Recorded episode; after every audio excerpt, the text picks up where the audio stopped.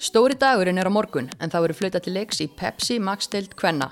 Við ætlum að hýta upp fyrir veisluna hér á heimavellinum og fáum til okkar góða gesti en þau Baldvin Mór Borgarsson og Halla Margret Hinriksdóttir koma og fara með okkur yfir alltaf helsta, reyna í fyrstu umferðina og ímislegt fleira skemmtilegt.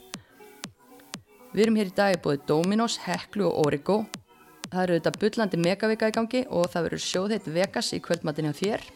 Við mælum svo með því að þið kíkið á legendiðan Gústa Gilva í Veslun Origo í Borgatúni og hann græjar 80% afslátt af bestu Bose hirnatólunum. Fyrir hlustendur heimavallarins, Bose NC700, geggjuð þráðulegs noise cancelling hirnatól.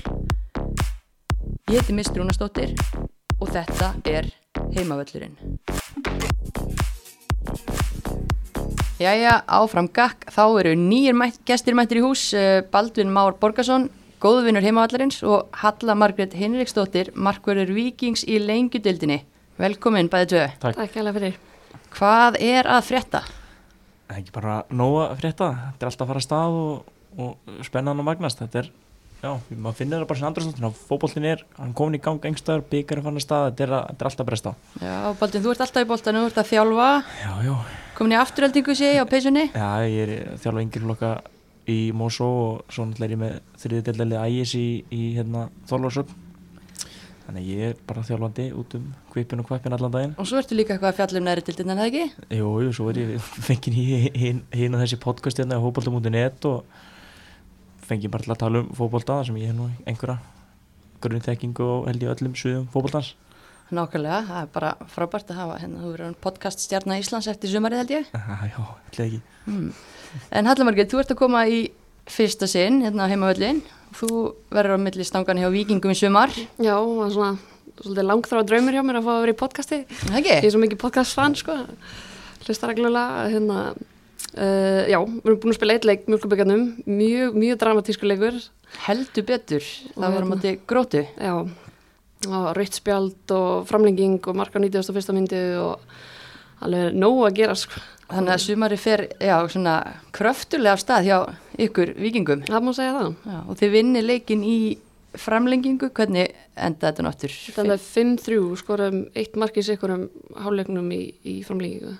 Það- Og skorum sko 91. myndi til að jafna og fara í framlenginguna. Þetta er bara frábær leikur til að byrja tímabilið á einhvern veginn. Talandi byrja um það. fótballtrymari. að fá að byrja, það var ekki bara eh, mikill léttir að vera búið með hana fyrsta formulega leik Jú, í rauninni sko, við erum búin að býða svo rosalega lengi. Sumar að fara á stað allt og allt og seint, mann, að mann finnst. Þú veist, maður er búin að vera spenntur bara með kýtla í táslutna síðan í bara februar mars. Þannig að, jú, ég held að við vorum svona svolítið eins og, sem maður segir alltaf, eins og beljur á sumrin þegar maður bara leift af öllin og bara, þú veist, rosalega mikil, mikil spenna og hérna, jú, bara fínt að vera búið með hennar fyrsta leik og, og kannski búin að stilla okkur aðeins meira af að því við erum bara búin að spila einhverja æfingarleiki hér og þar, Já, þeir eru náttúrulega koma líka úr samstarfi það var náttúrulega HK og Víkingur slíta, slíta samstarfin í haust. Svona, hvernig er veturinn búin að vera hjá okkur, hvernig er gengið að setja saman lið Hann er búin að vera svolítið áhugaverður. John er náttúrulega, sko, að mér finnst rétti maðurinn í starfi það að byggja eitthvað upp og kannski byggja eitthvað frá grunni. Hann er góður í að, að þif upp í leikmenn og sannfæra leikmenn um að, hérna, um að spila fyrir sig og já, mér finnst bara svona kannski, ég segi áhugavert bara því við byrjuðum með svo rosalega fá leikmenn og svo allt í innu, kannski tveimur vikur setna voru okkur með 30 leikmenn og hérna við áttum ekkert eitthvað sérstaklega gott undirbúinustímabil þannig séð, þú veist, leikirnir í vetur voru svolítið stremnir fyrir okkur og ég held að það sé bara að því við vorum með svona, vorum að fá leikmenninn út og vorum að prófa að hitta þetta og svona samstill okkur, við vorum bara náttúrulega glænýtli mm -hmm. og allt og margar sem hafa aldrei spilað saman á, við vorum svona að læra einu okkar aðra en ég held að það sé bara alltaf smetla núna. Smattaldan í framlenginguna á móti, móti grótu Já, Ha. En hérna, bestamál, uh, ég fekk einhver yngar til að hitta með mér upp fyrir Pepsi Max-dildina sem byrjar á morgun, förstu dag. Eru þið orðin peppuð að fylgjast með þar? Já, ég bara get ekki beðið eftir að þetta fara að stað. Allur fókbólti, hvað sem þessi kalla hvenna, efriðli, neðriðildir. Náttúrulega ég byrjar að þjálfa í Íslandsmótið með 15 flokkan eða bara, þetta er gaman. Já, þú serð ekki fyrir þér að vera mikið heima hjá þér fyrir oktober eða hvað? Ég hef bara aldrei verið mikið heima með mér á sumrun eða bara ekkert yfir höfuð og, og ég man í júni í fyrra þá fór ég sko sjálfur á orkumótið og norrálsmótið og setmótið ég held ég að veri heima hjá mér í svona 15 daga, eða semst gist heima hjá mér í 15 daga í júni, held, að- held að það veri svo leiðis Svipaði sumar. það ætli það ekki Já, já, það er bara þannig. En svona hvernig er hérna, tilfinningin ykkar svona fyrir þessu móti? Þetta er náttúrulega, eins og margótt hefur verið rætt, mjög undarlegar aðstæður, maður er lítið búin að sjá liðin og annað. Hverju eigum að búast við? Ég, það finnst mér nefnilega það sem er mest spennandi maður veit ég ekkert hvað maður er að búast við þú veist, bara því maður er ekki búin að sjá liðið spila svo ótrúlega lengi og maður sá eitthvað í byrjun ás og sá einhverja einhverja æfingarleiki og, og eitthvað smá í lengi byggarnum og reykjavíkumótinu og eitthvað en mér finnst mann eins og að séu, þú veist, helmingurna liðum í þessu deild eru bara spútnikli þú veist, maður veit ekkert við hvað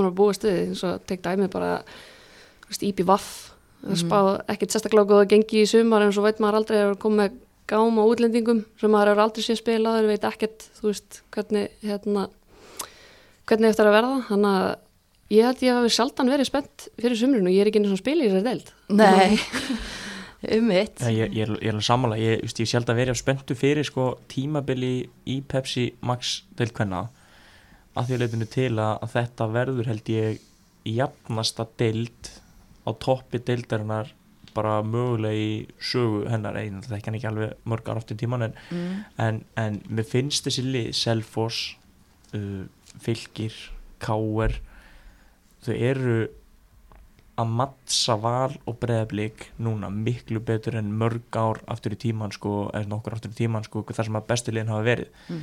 Núna er einhver fimm lið sem að öll ætti að geta tekið steg hvort öru og við sjáum það bara Selfoss vann val um daginn og Selfoss er náttúrulega búið að styrkja sér mikið með Önnu Björk og þær eru með Hólfríði og, og þær eru búin að fá í Brynjast tilbaka og þær tóku klöru frá IPVaf þannig að það er bara komið hörku leikmenn í það lið. K.R. liðið náttúrulega búið að sækja sér góða leikmenn líka í sko fengu Láru Kristín frá Þór Káa og tóku Kristín Ernur sem að náttúrulega veist, er búin, löngu búin að sanna sér sér deild og fleiri, fleiri þar.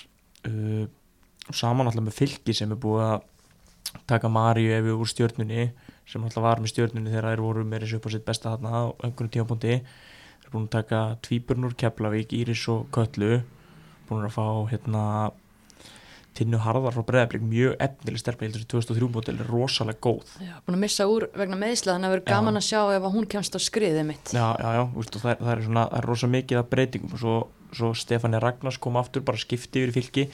Þannig að þessi lið er að styrkja sér það mikið. Þannig að fylkir var reykjagumestari í vetur bara í fyrst skipti í sögunni. Þannig að Valur tapaði þar. Valur tapaði mestara mestarana fyrir Selfossi.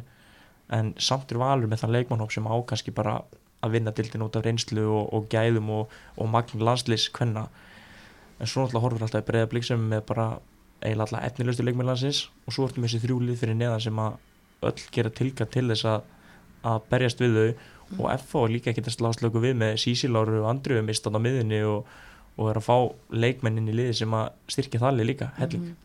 Algjörlega, þú nefnir þarna þó nokkur lið, hvað sé þú Halla, ég meina meistara efni í þínum huga eru heldur að það verði lið sem að geti gert að þessum usual suspects sem að við tölum um í val og breðablik. Nei, ég veist ég get ekki verið meira samanlónum við bara, þú veist, alltaf svo lengi sem að ég hef verið í persundildinni það var alltaf verið eitt eða tvö, max þrjú stórlið sem einhvern veginn allir eru svona smá smekið við að mæta og, og þær eru lett bara með yfirbörði og það er aldrei neina stórleiki nema þegar þessi lið mætast Mm. að hérna þá er yfirlegt að tala um, þú veist breyðiblik val á stjörnuna eða breyðiblik val á Þór Káa en já, eins og bara komst inn á það eru, þú veist, það er ekkert að segja að sé eitthvað eitt eða tvö stórlið þú veist, að ég held að verði ekki stór, stórt gap milli þessa sem að við myndum kalla stórlið og þeirra sem er að, að fara að kroppi stig hjá þeim sko. Þannig að yfirleitt hefur tablan verið þannig að fyrstu efstu þrjú liðin eru með svolítið mikið að stig og svo kemur kannski 20 stiga munur og svo kemur neðra helmingu tablunar Mm ég held að það verði langt við því frá staðrendin núna í sumar. Já. En hvað með svona hinum megin í, í dildinni ef við tölum um uh, bara hvaða lið við sjáum fyrir okkur að verði í þessari fallbaráttu? Skinnið þið eitthvað falldraug á einum stað frekar nöðrum? Já, já, ég ég það er mjög leiðilegt að segja það. En ég bara meða við gæðin í deildinni og gæða munin á því að vera í efstu deild og næst efstu deild þá bara sé ég ekki þrótt uh, eiga mikið möguleikum á að sækja stegjarna og það er náttúrulega að vinna svo sem dildinni fyrir á F og fylgir þeim upp en styrkingan þar sem F á búið að taka í Andriu Mist og Sísílar og Rafnildi Haugs og fleiri leikmönnum er bara tekur svo stór skref fyrir þær inn í deildina Mhm. bæði með reynslu, gæðum, landslýstelpur uh, þannig að þær, þær verða alltaf sko í mun betri máli með þróttur en þær eru samt ekkert eitthvað, eitthvað endilega safe Mm. uh, og svo er mjög skrítið að tala um það að þegar maður fyrir að tala um einhverja botbartu að liðin sem ég ætla að nefna hérna sko ég held að þróttu fara niður og, liðin sem að mun fara niður með þeim ef það verður ekki FH þá er það að fara að vera sko stórlið Þórkáa, stjörnunar eða, eða IBVF Bam! sem er rosalega skrítið því að stjarnar Þórkáa og, og IBVF hafa alltaf verið í topp 5 síðustu bara 10-15 árin held ég eða eitthvað svo leiðis Mm bara rosalega langur tími þar sem að þar sem að Þórkáa og IBVF og stjarnar voru, ef þau voru ekki topplið og að vinna deildina þá voru þau samt í þessum 3-5 sætispakka þannig að, að fara fyrir þau að, að vera bara í þessari hættu núna er rosalega skrítin staða. Og ég held að ég myndi segja ég hafi mestar áhyggjur af Þór Káa og IBVF fram með frekarinn FH út af því að Þór Káa búið náttúrulega að missa bara allar þessar stóru heimastelpur sem þeir höfðu í þá náttúrulega Söndur Jesen, Anna Rækjel, Andrea Mist uh, þær eru búin að missa þessa góðu leikmenn sem þeir fengu norður í fyrra eins og Lári Kristín Mm. og Þórdís Rönn uh, þær eru búin að missa borgarstjóran á Akureyri, Söndru Major og, og Biancu sem að voru allt og góðar bara fyrir þetta level, myndi ég segja. Þannig að hvernig þær ná að púsla því saman og hvað þær fá inn í staðin er risa spurningamerki uh, svo aftur á móti með IBVF að þær eru náttúrulega búin að missa Klöru, þær eru búin að missa Sisi og þessar góðu heimastelpu sínar líka. Þær eru búin að missa Chloe sem vart í mörg ár. Þannig þær eru að, að, því litum til sömu vandræðum og Þór Káa en þær eru búin að fylla upp í liða útlendingum en spurningamerki með það er, er hversu góður er þessi útlendingar og hvernig náðir saman? Menn þeir útlendingar frá held ég þrýr frá Lettlandi, svo eitt frá Fraklandi og eitt frá Þýskalandi og þetta er svona alls konar mix Mhm. og það getur ekkit endilega fungerað Tekur tíma, setja saman lið. Uh, Hvað sé þú allir, ertu sammála? Myndir þú fella þróttarana svona eins og Baldvin? Já, ég held það sko. Það er alltaf leðilegt að segja, leðilegt að tala um það. Ég held að þetta lið farið niður en svona, þær eru ekki búin að styrkja sig það mikið með það mikið að gæðum að ég held að, að sömur verði kannski þunguróður fyrir þær og, og hérna, en þú veist, hún að tróða bara að sokka upp úr ykkur og, og, og standa sér betur en við gerum ráð fyrir. En, en hérna, ég spila á mótið nýlega með Viking og veist, það er virkuði sprækar en hvort að sé á því lefilis að það þurfa að vera til þess að halda sér inn í þessari deilt að einhverju viti, veit ég ekki sko, ég seti spurningi bara ekki þar. Já. Hefur eitthvað séð til hinna liðana sem að hérna, já, við sjáum fyrir okkur ekki þessum topp 3, 4, 5 Já, spilum líka mútið FH og mér fannst FH koma bara skemmtilega óvart. Það eru uh, frekar agar og það verður sem að þú veist, þær eru vel þjálfaðar og það er svona ná að framkalla held ég það sem að þeim er sagt að gera sem held ég svo rosalega mikilvægt þegar maður er í, í liði sem að er kannski á ekki alveg saman levelu og þessi lið sem að við kannski tölum sem svona topplið Mhm. en hérna, já, að vera agar og, og hérna já, bara vilspilandi og spila bara sinnbolta hérna, þá ætti það að vera kannski bara í allt í lægmálum mm. ég ætla ekki að segja að það sé að verði fyrir mið, miðjötöflu en ég er alls ekki vissum að það er verði í einhverju bullandi botbaróttu sko. Nei, einmitt. Þetta er ótrúlega magnað, þetta er svo eins og, eins og þeir að nefna, þessi lið eru algjörlega óskrifu blöð og, og ekki það að leikmannahópurinn á stjörnunu kannski, já, hann tölvöld minna breyttur heldur en Þór Ká á IPVF, svona fyrst við erum að nefna þessi lið, en hérna maður er ekkert búin að sjá þær og ungt lið í fyrra, þetta er svona spurningamerki hvernig, hvernig því verður stilt upp. Maður heyri núna límið þeirra fyrirliðin Anna Maria sé meitt þú veist, ef, ef hún er átt þú veist, ekki það maður er ekki verið að setja ábyrð, alla ábyrð á eitt leikmann en svo rosa stór póstur hann Já, Anna Maria er náttúrulega búin að vera hún er búin að vera aldursfósiti fyrir kannski utan útlendingana og hérna held ég að hafi bara mjög jákvæð áhrif á liðið. Um, hún er búin að vera rosalega óhefið með meðsli að hérna vonandi verður hún komin aftur fyrir fyrsta leik að ég held að hún, hún komið með rosalega sterkar leit og hæfuleika inn á hérna, inn í lið mm. svo er náttúrulega Betsy Hassett sem er komin inn í, í stjórnulið og ég held að hún geti verið bara svolítið mikil drivkrafti fyrir stjórnuna, ég held að hún geti verið svona kannski ef að stjórnan er að fara að skora eitthvað, eitthvað mikið á mörgum þá held ég að Betsy geti átt alveg stóran hluta í því mm. Stjórnunin náttúrulega gekk illa að skora mörg í fyrra og þeir eru búin að fá, já, Betsy og svo Sjamíku og, og ungu sóknarmenninir eru árinu eldri hann er bara málega stjórnulegið er, eins og það er, var ungt í fyrra og það er árinu þróskari ár. Þær eru bættu við Betsy og, og Sjamíka var þarna setjilutinu fyrra. Mm -hmm. og, og það fyrir Kristjána kannski bara ná að móta þennan hóp í ári viðbútt með lítið breytingum held ég að sé bara gott fyrir stjórnuna þær eru reynslinu ríkari uh, með sama þjálfara þekk ykkur aðra og, og ættu bara kannski að í rauninni ná betri árangri núna. En aftur á móti segja það að deildin er sterkari heilt yfir heldurni fyrra af því að það eru svo mörg góð lið. Mm. þannig að það er þurfa kannski bara að treysta það að vinna réttuleikin að taka stígin á móti liðan sem að það er vilja síðu fyrir niðan sig sem að síðu þá vendilega Íbjöfaf, Þórkáa, Þróttur hugsanlega FH en ég held samt að við nefndum hann áðan þessi fimmlið, þessi, þessi þrjúlið sem að stríða val og, og bregðarblið kannski mest að eitt af þeim liðum gæti svona kannski dottið meira nýri miðjum og með stjórnunu og og hérna FH, hugsa mhm. ég gæti, gæti sér, ég gæti sér fyrir mér K.R.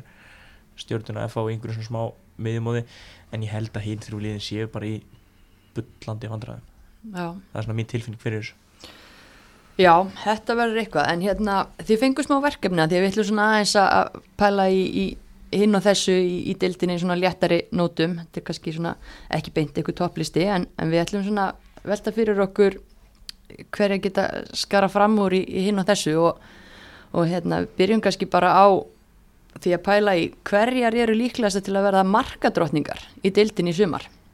Það er náttúrulega aldrei hægt að horfa fram í á Berglum Björg uh, og Elimettu svo hef ég hérna ég lúmska hérna trú á, á Katrín Áspjós heim í Káar ég hérna veist að hún skoraði fyrir það um daginn í einhverjum aðenguleik held ég. Og hún alltaf góðu leikmann alltaf var marga rókur í Þór Káa og skoraði þarna slatt í stjórnum þó hún hefði verið að spila mikið á miðjun eða fremst á miðju þar.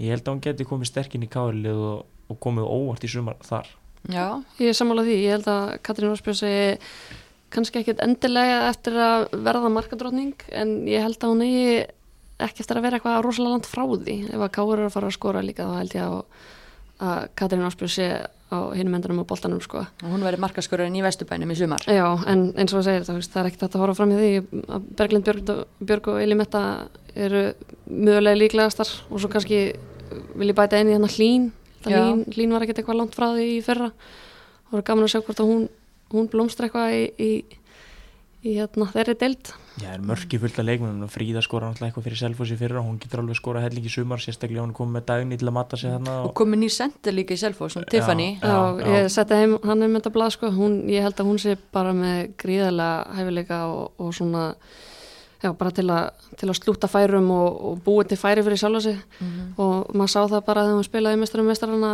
að þú veist, þetta er greinlega mikill fengu fyrir Salfors og ég kemur ekkert óvart ef hún væri þarna líka í top 3 uh, að, hérna, að gera tilkall til að vinna guldskóin En svo, svo eru tveir leikmenn sem, sem, sem ég líka sem ég mun okkar nefna að Agla Marja náttúrulega er ógeðslega góð og hún getur skora fullt af mörgum og hún kemur sér í færin. Mm -hmm. og svo er annar leikmaður sem að ég vona að fái mun starra hlutverki ár heldur hann hefur nokk tíma fengið bara í sínu félögum. Að, ef að Guðrungardas fær fullt af mínutum og verður heil, ég veit hún tóknaði daginn ef hún verður heil og fær fullt af mínutum þá veit ég að hún getur skora fullt af mörgum hún skorar alltaf þegar hún spilar. hún skorar alltaf þegar hún kemur ef hún setja henni um 20 mínutur og fær allavega eitt mark frá henni. Ef hún far að spila 70 mínutur 80 mínutur, 90 mínutur í leik bara Guð hjálp mig um hvað hann ættir að skóra mikið að mörgum Já, það spyrir hvort hún fá að spila en hérna, ég heyra að þið nefnið ekki leikmann sem hefur verið mikið í umræðinni og hérna Sveindis Jane sem skipti yfir í, í blikana já, já. hvernig tilfinningin ykkar fyrir því að úst, hvað er hún að fara að spila í breyðablik? Já, þeir hljóta bara hendi 4-4-2 eða með Berglindi og Sveindisi Já, hvað er þetta að taka út? Þetta er rosa. Já, ég stætti, já, já, þetta er þetta fari ekki bara í Óskars Raps leikkerfi bara með alla fram með hana Ég held að það getur verið stór spurning sko, hva, hvort það sé pláss fyrir hana og, og þú veist, ef svo er hversu mikið mínútum fær hún og hvar á vellinum var hún að spila. Ég geti trú, alveg trú að ef hún væri hérna svona bara komið inn á fyrir Berglindi hann fá kannski 15-20 myndir 30 myndir í leik fyrir bara eftir hvaða leik uh, verið að spila. Mm. en ég hef alveg trúið að hún nýti þessar mínútur sem hún fær á vellinum alveg til fulls. Og við hefum alveg eftir að sjá nokkuð mörg frá henni í sumar. Ja, ég, ég er alveg samanlægist, ég nefnd hann ekki því ég er með trættur um hún verði ekkit í því líki hlutverki sem hún ætti að veri uh, og ef þú ert ekki líki hlutverki þá ert ekki að fara að vera marka drotning það er alveg gefum, gefum á en hún hefur einmitt svona leikmaður eins og Guðrun Kardið hún skorar alltaf ah, sama hvort hún sé að vinna leikin að tapa leikin tapa leiknum. Þannig að ef, hún, í, ef að blikar komast á gott flug og, og verða þannig þessari toppáratu sem reiknum með þá já. þá er aldrei að vita. Hmm. það er aldrei að vita. En hérna til þess að skora mörg þá þarf að leggja þau upp. Já, já, hmm. stóðsendinga hæstar hverjar eru líklegar assist queens í sumar? Mér þetta fyrst í hug Fandís Rirriks og kannski Rækjel Hönnu. Gátt að fá Rækjel aftur heim og hún hefur svona auga fyrir, fyrir stórsendingum að mér finnst. Og svo er náttúrulega hérna lísfélagina Rækjelar hún, hún hérna Agla Maria og, og mögulega Munda, Ásla Munda það er að vera að sérsta mikið líka mm -hmm. Já, mér er þetta fyrst er í hug einmitt Rækjel Hönnu og Ásla Munda uh, hún ætla að hallbera með sinn gullfót þarna mm. vinstri bakurinn á val það er eiga náttúrulega, veist, maður reikna með því að Valur og Breiðablík skori flestu mörkin og þá er auðvitað að benda á leikmenn sem ætti að búa til mörkin fyrir þau lið. Mm -hmm. en svo hef ég mitt líka svona pínu tilfinningu fyrir því að Dagni Brynja sé eftir að dögulega búa til færi fyrir sína leysirlega self sko, sem verði Fríða eða Tiffany eða, eða hvort hún skori bara sjálf. Að, mér finnst það svona kannski augljósustu uh, pikkin í það að fara að leggja mörk. Já, Fandís var held ég virkulega stóðsendika hæst í í fyrra ef við hugsun svona aðeins út fyrir þessi kannski lið sem við erum að svolítið að spá sem eftir sætum uh, einhverjar svona kreatív sem eitthvað dettur í hug? Þórtísson Já, Þórtísson myndi alltaf í hug. Þórtísson í káður, já, ég hugsa það Rósalega veistri fót sko. já. Já, já, og Katrín Ómars hún getur alveg bæði búið til að skora mörg á káður, fyrir, fyrir káður mm -hmm. þannig að það eru, það er alltaf í öllum, öllum liðum leikmenn með með svona þetta instinkt að búa til mörg og skora mörg og, og leggja upp og allt það uh, en eins og sé, þú veist ef maður fer að hugsa alveg niður þá er ég alltaf svona kannski pínu erfitt með að sjá það endilega hjá Þór Káa til dæmis eða, eða þrótti, ég meina Lindaljú eftir að skora fyrir þrótti eitthvað en hún er svona aldrei máta sér sér deild. En ég held að Andrea Mist getur verið drjú fyrir FA mm. fremst á miðinni þar. Ég hef einhverju einhver trú því að, að hún komið til með að að bera upp einhvern sóknarleik þar. Já, maður hefur heilt líka að hún sé að koma mjög sterk inn í þetta þessum æfingarleikjum og hérna það er alveg, alveg option en, en það var spurning hver allar skora mörgum fyrir að fá? Já, þær eru með hann nokkra refnilegar fram á við Birta Georgs og, og fleiri. En mm. þetta, er bara, þetta er bara spurning maður náttúrulega erfitt að átt að sjá því hvernig það verður eða hvernig það mun fara. Ég menna, deildin er jöfn og sterk og, og lítið sérst af leikjum undanfarið þannig að mm -hmm. við reynir svolítið blind í sjóun á mörguleiti Algjörlega og þú nefndir hann aðan leikmenn sem að kannski hafa ekki mikla reynslu. Og linda lífi á eitthvað að leiki í þessari eftir deild en hún har ekkert margar mínútur svo sem og, og er kort nung en þá uh, hvaða leikmennum ættum við að fylgjast með í sumar sem að eru með verða í rauninni nýliðar í deildinni hvort sem að þær hafi eigi einhver örf á mínútur eða, eða, eða bara engar Hvað dættur ykkur í hug þar? Það er einmitt þarna, einmitt hérna linda, lindalíf sem ég sagði. Svo dætt mér í hug líka hérna uh, Bergnin Baldurs í Þórkáa. Stelpa sem að er held ég uppalinn á norðan, fer söður ung í breyðablík minni mig og verður að spila eitthvað með augnablík. Hún hefur verið að skora fyrir Þórkáa í æfingarleikjum núna mm -hmm. og, og hún er, hún er skemmtileg. Sko, ég sjálfur ekki sé mikið af henni, ég er bara fór í smá heimavinnu og kannaði þetta og þetta er nafn sem ég fekk inn á bortíminn mm -hmm. að væri áhugavert að fylgjast með þannig að ég er bara spenntur að sjá hvort að hún sínir með það sem mér var sagt eða ekki en, þetta er, þetta er, þetta er nafn Já, hún fætt 2000 einmitt og, og e, maður er alltaf svona vita af henni og það er gæðin hún hefur einhvern veginn ekki fengið þetta 100% tröst í meistaraflokki Nei. hvað þá efstu deild þannig að, að en maður er að heyra það núna að Þór Káa spilar ekki æfingarleika á þess að hún skori þannig að hún, hún, er komin heim í Þór Ká og fær, fær tröstið í emitt ungu og reynslu litlu liði. Mhm. Þór Ká náttúrulega bara mikið til með nýtt lið. Þess að hann vantar allar þessar fallbissur á norðan nema Örnu Sif, hún er ennþá hana mm -hmm. síðasta fallbissan síðasta fall, hei, já, ég Nei, segi svona. En, áljótt að segja en minnumst það er ekki lengur Anna Sandra Maria, Anna Rakel, Andrea og þessar leikmið sem hafa verið að berið uppi sem heimastelpur og, og eru fríkala góðar. Mm Algjörlega, Halla, hvað segir þú? Í puntaðin er með hún auðu skefing markmaður. Mm. Hún alltaf er að spila með IBF núna í sumar og ég held að þetta sé hennar svona big break ef Mhm. maður orða það þannig. Nú er ekkert fengið almennilega mínútur í efstu deild ef einhverjar, ég er ekki alveg sjö mínútur Já, eitthvað eitthvað samtals í svoleiðis, tveimur sko. leikjum sko en, það er bara frábært að hún sé komið til eiga og sé að fá trösti til að vera markmaður þar og, og það sé ekki búið að kipa inn einhverjum útlendingi hann til þess að til þess að fylla upp í þessu stöðu og hún er bara bakkað upp. Mhm. þannig að ég held að vera gaman að fylgjast með henni bara sem markmaður segja það það gaman að fylgjast með ungum markmaður stiga sín fyrsta skrefi eftir dild Mhm. og svo fór ég að hugsa á hérna Hafrún Rakel sem að fóru afturhildingu yfir í breyðablík það er aldrei að vita nema hún fái einhverja almennilega mínútu núna. Áslöfmynda nú er að glíma meðsli og ástæðir er náttúrulega ólétt þannig að já, ég held að vera gaman að fylgjast með henni ef að, ef að hún fær kallið Algjörlega, búin að vera frábær í, í fyrstdeldinni síðustu ár. Já, líka, já, líka ung, ung stelpa á Mosó, hérna, Sara Dögg, sýstir Efur sem fór í fylki. Hún Mm. er fætt held í 2004 ef maður rétt. Hún er rosalega góð. Ég man, sko, ég var að þjála mótin í fjóruðarflokki þetta var bara brandar að hafa hann inn á vellinum. Hún, hérna, ef hún fær mínútur þá geta það verið skemmtilegt að fylgjast með henni. Og sömulegis eins og ég sagði hann hérna Tina Harðar í fylki Mhm. sem að kemur frá bregðarblik ef, ef hún kemur vel undan meðslum þá getur hún komið vel út af í pepstildinni í fínu liði Já.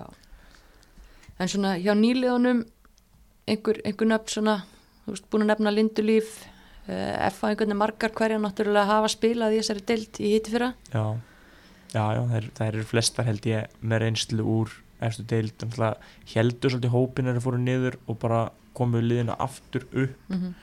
misti ekkit margar frá því uh, samanskapið þannig að bæta þess og bara vissi reynsluboltum úr deildinni, bara landslískonum í Sisi og Andriu og, og, og allt það, þannig að ég held að sé kannski ekkit mikið einhver nýlið þar en, en í þrótti þá náttúrulega, ég náttúrulega nefndi Lindu og, og Loren verður ekki áfram með þar með Nei, Nei. veitur farin um, það er blóðtaka fyrir þróttara til dæmis. Það er það. En hérna, já, það eru búin að fá Erlendan Center í staðin og spurning hvernig hún mm. mattsar allt eru þessi leikmaður en Loren en, en hérna þar þetta mér í hug tvær sko sem að eru fætta 2003 og hafa ekki spilað í leiki í efstu deild, Andrea Rutt og Bjarnadóttir og Jelena ja, Andrea Rutt hún ja, líka landslis stelpur ja, Andrea, Andrea Rutt er enda mjög góð þegar að segja það, ég er bara ég, hún geti einmitt komið vel út ef hún bara væri að njóta sín. Já ég hugsa hún fáið það nú. Já, Nick er er mjög flottu þjálfar ég er mjög hrjónu Nick sko. Vegna finnst ég leiðalt að vera henda þrótti niður að það er það er ekki bara fínt, Nick er ekkit ósattu við það engin pressa. nei, engin Ha. En hérna, já það er alveg fullt af fullt af leikmennum að fylgjast með og svo margar ungar sem spila í fyrra líka sem að verður bara gaman að sjá hvort það tæki skrefið hérna lengra í, í sumar. En það er svolítið áhugavert að svona þessi stærstu erlendu nöfn undanfærin ár uh, þú veist, Major, Chloe þau eru mörg hver horfin á braut og það er ekkit brjálæðslega margir leikmenn erlendir sem eru eftir hérna á Íslandi sem við þekkjum uh, eða þetta hendi með einhverju nöfnum sem þið eru spennt að sjá svona, hvað erlendu leikmennum er, já, leikmenn líst ykkur best á? Um, sko, mér fannst alltaf góð hérna, sem fór í BVF frá Viking hérna, Fatma, Fatma Kara, Kara. Já, Já. hún, mér finnst hún ríkilega skemmtileg. Hún geti mögulega gert mikið fyrir Vikingsliði nei, í BVF-liði fyrir geðu Ég þú Eh, séu komið fyrirlega bandi Já, það er ekki slæmt. Svo hérna Svo náttúrulega er hún góð sínd alveg gæði fyrra Shamika í stjörnunni og hann ástæð fyrir þær haldinni og hún lítur náttúrulega bara fitta vel í hópin og, og færa, færa liðinu eitthvað ekki bara að koma hann að spila og fara eins og sumir útlendinga gera. Þannig að það, það er jákvæmt þeirra vegna. Svo er maður spenntu fyrir Selfors sendunum Tiffany. Ég, ég held að Selfoss sé bara með bestu útlendingana í deildinni. Ég bara að vera svo frakk að segja það. Já. þó að deildin sé ekki einu sinni byrju sko. Þannig að Tiffany McCarthy er náttúrulega rosalega öflug eins og komum inn á áðan. Og svo er náttúrulega markmaður sem nældi í hann að Keilan. Markís.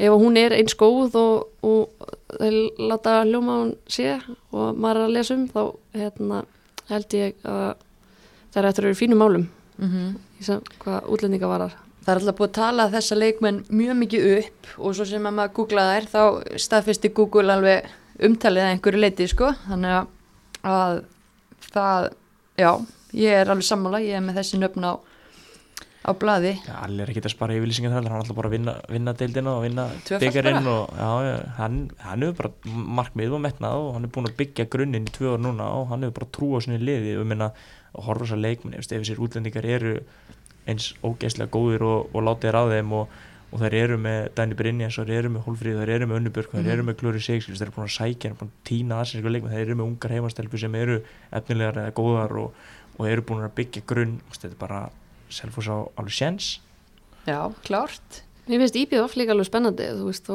að hérna, það sem er svona rosalega nýtt lið í rauninni en eins og tölum um áðan þú veist það er með eina frá Fraklandi, þrjár frá Lettlandi eina frá Bandaríkjunum, svo er með eina frá Þískalandi og svo náttúrulega Fatmakara frá, frá Tyrklandi. Mm ég held að bara helmingun, meir en helmingun að byrjunliðinu verði erlendur. Það er gaman að sjá hv- hver að þessum útlendingum mun svona standa upp úr.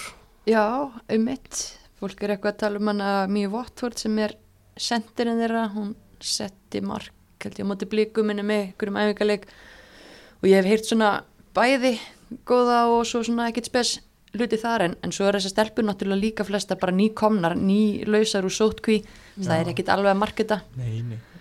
Og, og hérna, En í bjóafliði þarf samt að vera fljótt að smetla saman ef þetta á upp hjá þeim. Já, það er reynda búin að vera í einhver tíma held ég margar hverjar þar. IBVF kannski búið að, hafa lengstan tíma með sín erlenduleikminn, aðeins segi sé Nei, nei. alveg vissum og svo náttúrulega hún Gabi, ég kann nú ekki alveg að bera fram eftirnafnið, Guyen sem að stelpa frá Costa Rica sem fór í Þór Káa, ég held að hún sé búin að vera hérna heil lengi líka, hmm.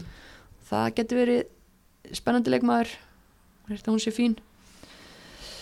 Þannig að já, en það er allan að held ég að galopið svið fyrir erlenda leikmanna að stela senun í sumar því að þessar helstu, stjörnur eru eru farnar, það eru bara Betsy og Fatma Kara þessum stóru nöfnum sem eru, sem er eftir eru eftir Þetta er svolítið jákvæð þróun finnst mér, hvað er lítið að útlendingum í deildinu, tökum út bara IBF-liði sem erum hérna með heilan haug. mm. Það er, finnst mér, minna að útlendingum í hverju liði fyrir sig, heldur hann að var, til dæmis að ég var í afturlendingu fyrir hérna hjáan herrans tíð, þannig að það var svona löngu íbjöf síðan. stemning á okkur þá eða ekki, Já, það var veist, bara fjölmenningarsamfélag Já, hérna, ég frétti það að mörglið tölu um það, ég tölu alltaf um, ég, hvenær fær afturölding gáminn frá hérna bandaríkjunum.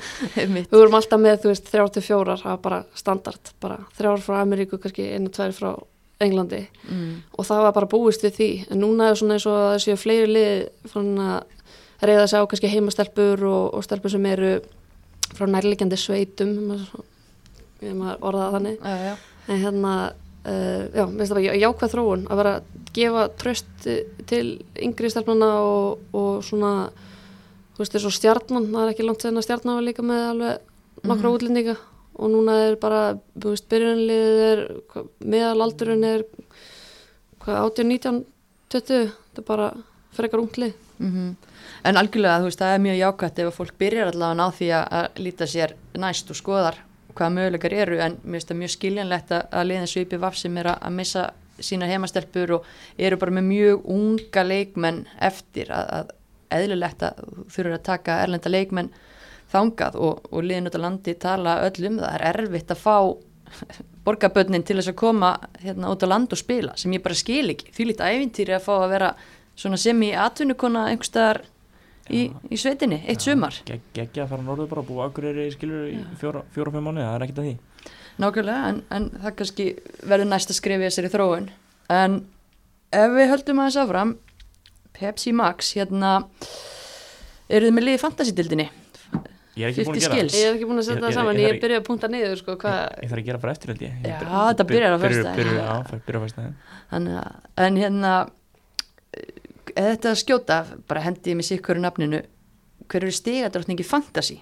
Það er náttúrulega aðeins öðruvísi reglur en í vennileg fótbolta sko. Já, ég, ég hérna ég, ég ætla að tippa að það verði áslumunda Já, vinstri. Já, af því Ok. að, að, því að, að, því að breyðblik eftir að halda upp treinu í sumar held ég Mm. þar fær hún clean sheet stíin og hún verður öflug fram á við í því að dæla boltanum fyrir á Berglindi og Sveindísi og, og allar þessar kanónar hann frammi sem að skora mörkin Ok, þannig að það er mitt, mitt pick.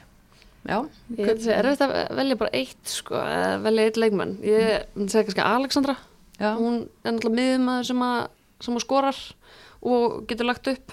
Og svo er náttúrulega líka, þú veist, þegar maður er að taka stelpur sem eru að fá mikið að stíðum fyrir að skora, það getur náttúrulega alltaf verið Berglindi eða Elimetta eða Tiffany McCarthy. Mm og hérna já, hann er Fandís, hún getur bæði lagt upp og skora og það er alveg nógu mikið að stíðum þar. Já, Já, svo sem alveg verið hann í síðust ári Eli Metta, hann bara rúar henn stígunum með mörgum og assistum og eitthvað, en mér fannst það bara, mér fannst það bara of svona augljóst val að fara að segja Eli Metta eða Fandís eða eitthvað, þeir eru hann frammi og eru að senda okkur Mhm. aðra og skora mörkin en það er alltaf eitthvað væltor sem kemur inn í þetta líka og, og blanda sér í þessa topparótti. já, já, ég, Getur þess að vera Betsy Hassett sko, þessum að sýsta og skora fyrir Já, stundinu. stjarnakjæsti í stuð, það er aldrei að vita. er að.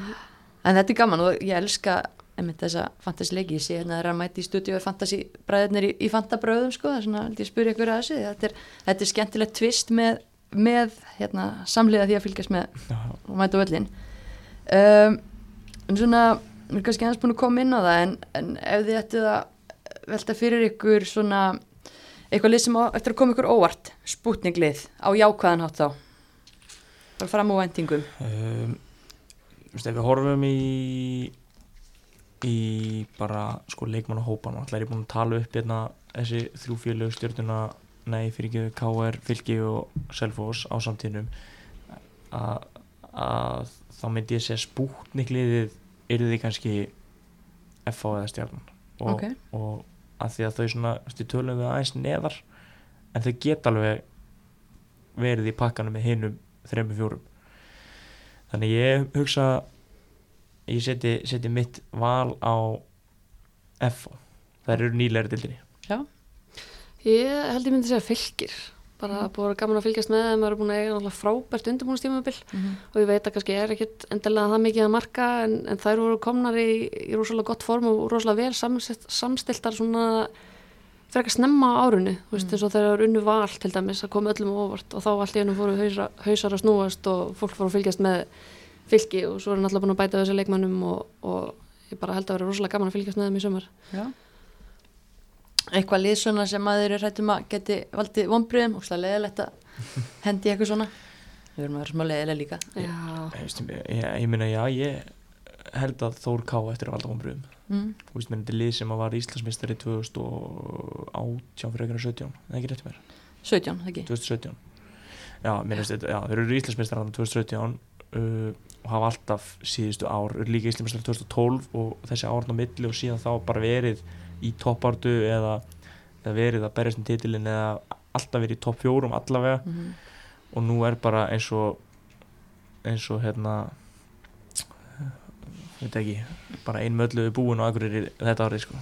Já, þið tala samt um eins og það ætla að stefna síða toppar á þetta. Já, ég veit það, en veist, ég, horfði á æfingu þarna, rétt áður en að æfingabanni var sett á Mm.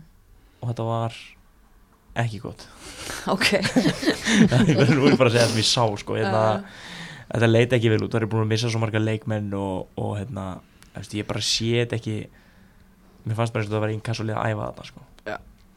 Það er Lengjulið meinar þau. lengi lið fyrir ekki leðilt að segja þannig ég ég hérna Þú hendir þessu hendið, norður. hendið, já, hendið, hendið vonbröðunum á þér. Ég einhvern veginn á erfitt með að trúa að þeir ná að krafsa upp úr þessu og frábært hjá andra hér verið að vera með metnað og, og vilja ná einhverju tóf fjórum en bara með þennan leikmann að hópa þá sé ég það ekki gerst þannig að bæta við, það þarf að koma staðfest í sviga á svona fimm leikmenn núna ef hann ætlar að ná einhverjum árangri Já, Jæja. ég held að ég sé samanlega hérna, það er búin að missa svo rosalega mikið af leikmennum og ekki búin að bæta nýtt almennilega við sig til þess að koma upp á móti þessari blóttöku Mhm. að hérna, já, það getur verið þór káa en svo líka, þú veist, finnst mér eins og stjarnan svolítið mikið spurningamerki með stannan hvort það getur verið geggjaðar eða það getur svolítið svona mistökin og, og verið þarna í neðri, neðri kannski þreymur fjórum. Já. Já, ég glindi nú að spyrja ykkur að, að því aðan þegar maður aðeins að fara í svona einstaklingspælingar hérna, það vantar nú kannski svolítið hotheads í þessa deild en hverja er að verða spjaldahæstar í sumar? Alltaf fjóla sjala er ólétt þannig að hún tekur það ekki í ár en Tekur ekki Hildur bara við keflinu, Hildur Antons, ég, ég, ég, kraftur í henni. ég, ég var búin að hugsa þetta og það höfði að spyrja ykkur að ég var með eitt nafn í hug, kollinu var mér, ég er búin að gleyma því, búin að týna því Ég held að líka Karitas Tómas í Selfoss, hún er líka bara rosalegur vinnuhestur og, og letur finna fyrir sér. Ég held að henni getur verið að refsa fyrir það kannski. Já. Sjáu ekki fyrir ykkur, það er engin dört í spjöld að fara að koma, þetta verða svona vinnu sem í sparáttu. Jú, ég man hún nafni Eva Núra, hún er alltaf grjót hörð á vellinu Já, hún lætur finna fyrir sér sko mætt á F á miðjana með Sisi, það Já. verður erfitt að Ég- kom, mæta þeim, þú ert ekki að fara standi í lappirnar. þú, ja, þú ert ekki að fara, þú ert ekki að fara hérna, koma, bara, koma vel út þeirri bara til að, að mæta hérna Sisi og Evin úr þú, þú vilt frekar hlaupa upp kantana þá, ég get lofaði því Já, já. Ég held að Andrea minnst getur líka alveg fengið nokkur fyrir svona einhvern svona perring. Já, já, já, þetta er alltaf svona, þetta eru óvinnsælu flokkarnir sko, en það er gaman að velta þessu fyrir sér. Uh, en hérna, já, svona kannski í lokin, uh, hvaða leikmaður að þjálfari verður mest í að búa til fyrirsagnir í viðtölum í sumar? Alfred Elias Alfred já. Alfred Ellis eða, eða Nick. Ég held að Nick geta alveg átt líka sín moment, sko. Ok, Alfred Elias á út að hann er yfirlýsingaglæður eða já, ákveðin? já, bara ákveðin bara, minnst þetta svo skemmtilega náðungi sko, ég, ég bara mín fyrstu kynni á hann voru þegar hann var að þjálfa einmitt að ég þorlarsöfn og ég var að mæta hann með Dalvik reyni eða eitthvað og hann var alltaf alveg gersamlega trítil óður í 90 mínútur en svo eftir leik sko, bara mest í toppmaður sem ég talaði var, þetta var ekki sami maðurinn sko, frá því að leikurinn byrjaði og, var, og þá þá hann lauk og svo eftir fyrir utan leik. En, en hann hefur alveg alveg áttið mitt yfirlýsingar í viðtölum og, og segi bara sína skoðun og svona. Ég, just, ég er mjög gaman að honum. Ég held að hann svona kannski takki við keflin að donna hann Einmitt, hann er búin að vera duglegur og eiga þetta svolítið síðustu sumur þannig að hann verður að eiga, verður hann artaka. Einhver leikmaður svona sem að einhver vist gaman að heyra reynskilina í og ég, ég er alltaf bara alltaf langt síðan að Berglind Rund spilaði einhverju viti, hún var alltaf skemmtileg en, hérna ja, ég veit það ekki, þetta er kannski engin hug með það nei.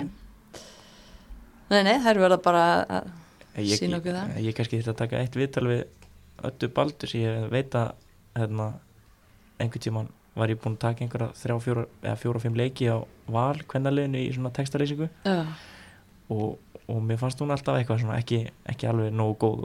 Og sett hann í vondu dagur og ég held að það veri eftir þriða skiptið það er kannski fimm leikjum, fjóru leikjum sem að setja niða já, þá sagðu við einhverja stelpur í valeg hæri ég þarf að bjóða þessum baldvin og ísund en þetta gengur ekki sko. Og, og þetta heyrði ég frá vinkunum minna að ég hlúa því. Já. Þannig að þú hjólar í viðtal við, við öllu þú fær tækifæri til í sumar. fæ tækifæri til að þú vil ekki koma með einhverja raun eitthvað um mig Já, Ég held að Fandís og Hallbera getur líka ef það er farið viðtölu, það getur alveg átt einhverja skemmtilega fyrirsagnir, er það ekki? Kar karakterar. Já, já, nóga skemmtilegum karakterum í þessari dild og, og ég held bara um þetta stefni það að vera góð umfjöllin í sumar uh, já, sínist allir, allir miðlar vera svolítið að blása í herrlúðrana og ætla að gera þetta vel en hérna þvíleik veisla framöndan og þetta byrjar allt á morgun með Reykjavíkuslag Vals og K.R. hann er svona ára en ég slepp ykkur hérna þá þurfum við alltaf að spá í þessa fyrstu umferð og ef við byrjum bara á Valur K.R. morgun 19.15 hvernig fer? Ég ætla að segja 2-1 fyrir val og, og sett kannski sikkvart markið á Elínmettu og Hlín og svo kannski klórar Katrín Áspjörs í bakkan fyrir Káar. Ok, Það ég ætla að segja tvö en ég ætla að breyti þrjú eitt að því hún segja tvö að hérna, já ég hugsa að Mettan setji bara tvö og, og lín eitt og þá segi ég bara Katrín Ásby skori nei, Katrín Ómas skori fyrir Káir ok. Einhver spjöld, einhver hiti? Dramatík? Verður ekki alltaf að vera hiti í þessu. Valur Káir, þetta er svona vestubæðislagur mm það geta alveg komið, fyrst í leiku líka náttúrulega barist um fyrstu stígin og, og hérna, mikilvægt fyrir bara statement fyrir K.R. eða ná að byrja vel á móti val og, og að koma val svolítið bara niður fyrir í töfluna að, að reyna að fá til þess að skjálfa beinunum að veist, það er stert að ef það tekst þannig að það er alveg mikið í húfi fyrir káarstelpur að byrja þetta vel. Mm þannig ég hugsa að þetta getur orðið hörku leikur Já, svo er nóg að hérna, gerast á laugadaginn líka, það er þrýr leikið þá, uh, byrjum á að pæla í breyðablík FH, hann klukkan eitt, kópóinum, Ég ætla að segja 4-0. Ég held að þetta verði auðvitað blikunum ok, og kannski hérna, Berglind opni markareikning sumarsins, setja kannski tvö, já, spáða því og svo kannski ef að Svindi Stein fara, fara að koma inn og spila eitthvað að hún setja kannski eitt. þannig þú heldur að Berglind byrji og, og Svendis Já. Vera á bekknum, Svo kannski Aklamariða með, með eitt af þessum fjórum. ok, segi Nei, ég ætla að þessi þrjú eitt blikar. Já. ég hugsa, ég hugsa hérna Andrea Mist kemur F og yfir.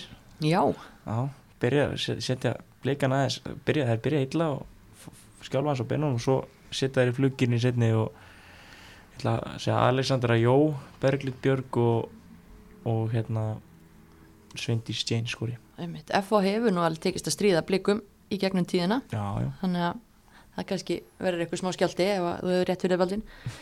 Uh, svo er áhugaveru leikur fyrir norðan, Þór Káa og Stjarnan, mm, tvölið sem að einmitt við erum forvitin að sjá hvað ætla sér í sumar, hvernig sjáu þið þetta fyrir ykkur? Ég held að það er svolítið erfitt fyrir stjórnuna að byrja fyrir norðan sko. Ég held að vanti líka nokkra byrjunlega sem leikmennir að missa út af, meðslum eins og Anna-Maria og Samíka og ég spái 2-0 fyrir Þór Káa. Það er erfið völd til að spila. Mm. Koma að ferðast á Akureyri og þetta er fyrsta leikurinn. Er hérna, já, 2-0. Kannski Karin Maria setja allavega neitt Já, og ekki bara að segja Arnarsif. Það skalla úr hotni.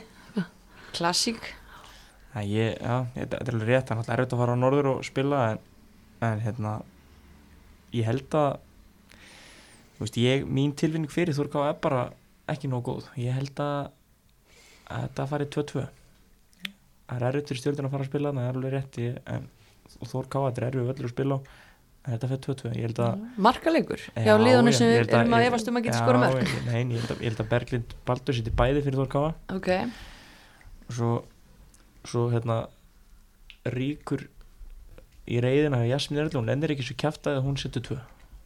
Ok, ok, ok, 2-2, heyrðu það fyrst hér. Uh, Fylki Selfoss, það er kannski, já, stórleikur, þetta er náttúrulega allt stórleikir í fyrstu umferð, en, en svona stórleikur umferðarinn kannski, 17-0-0 á fylkisvelli. Þetta er bara leikur sem ég lang, lang, lang spenntist fyrir, verðið að veikina. Það er samanlægi Þetta er bara svona mesta svona match-up, þú veist, það er frekar jæmt held ég. Mhm. Ég held að þetta verði jafn leikur og það getur farið, þú veist, 5-5 eða 0-0. Það er bara, ég ætla samt að spá sigri, sko. Kannski Tiffany með marka eða Barbara, Eitt, eins mark sigur. einsmark sigur við Selfoss. Já, Já, ég held að Selfoss vinni þetta svona 3-1 Ég held að ég held að fáum eitt frá Dæni, eitt frá Fríðu og, og eitt frá Tiffany ok. og svo, svo setur Bryndi Sarna fyrir fylki Verður það svona krafs í bakkan eða, eða verður þetta leikur? Þetta verður, nei, þetta verður hörku leikur uh, Ég meina, getur vel verið að fylki komist yfir þessuna Ég meina, jafni eða eitthvað og, og það verður sótt á báða bóa og það verður bara eins og eins og segir match-up leikur Mm. þannig ég eins og þessi spenntast þessu leik en ég held að Selfoss fara með sigur úr bítum Hvað gerist ef að Selfoss fer ekki með sigur úr byttum á svo blika í næstu umferð? Verður panik?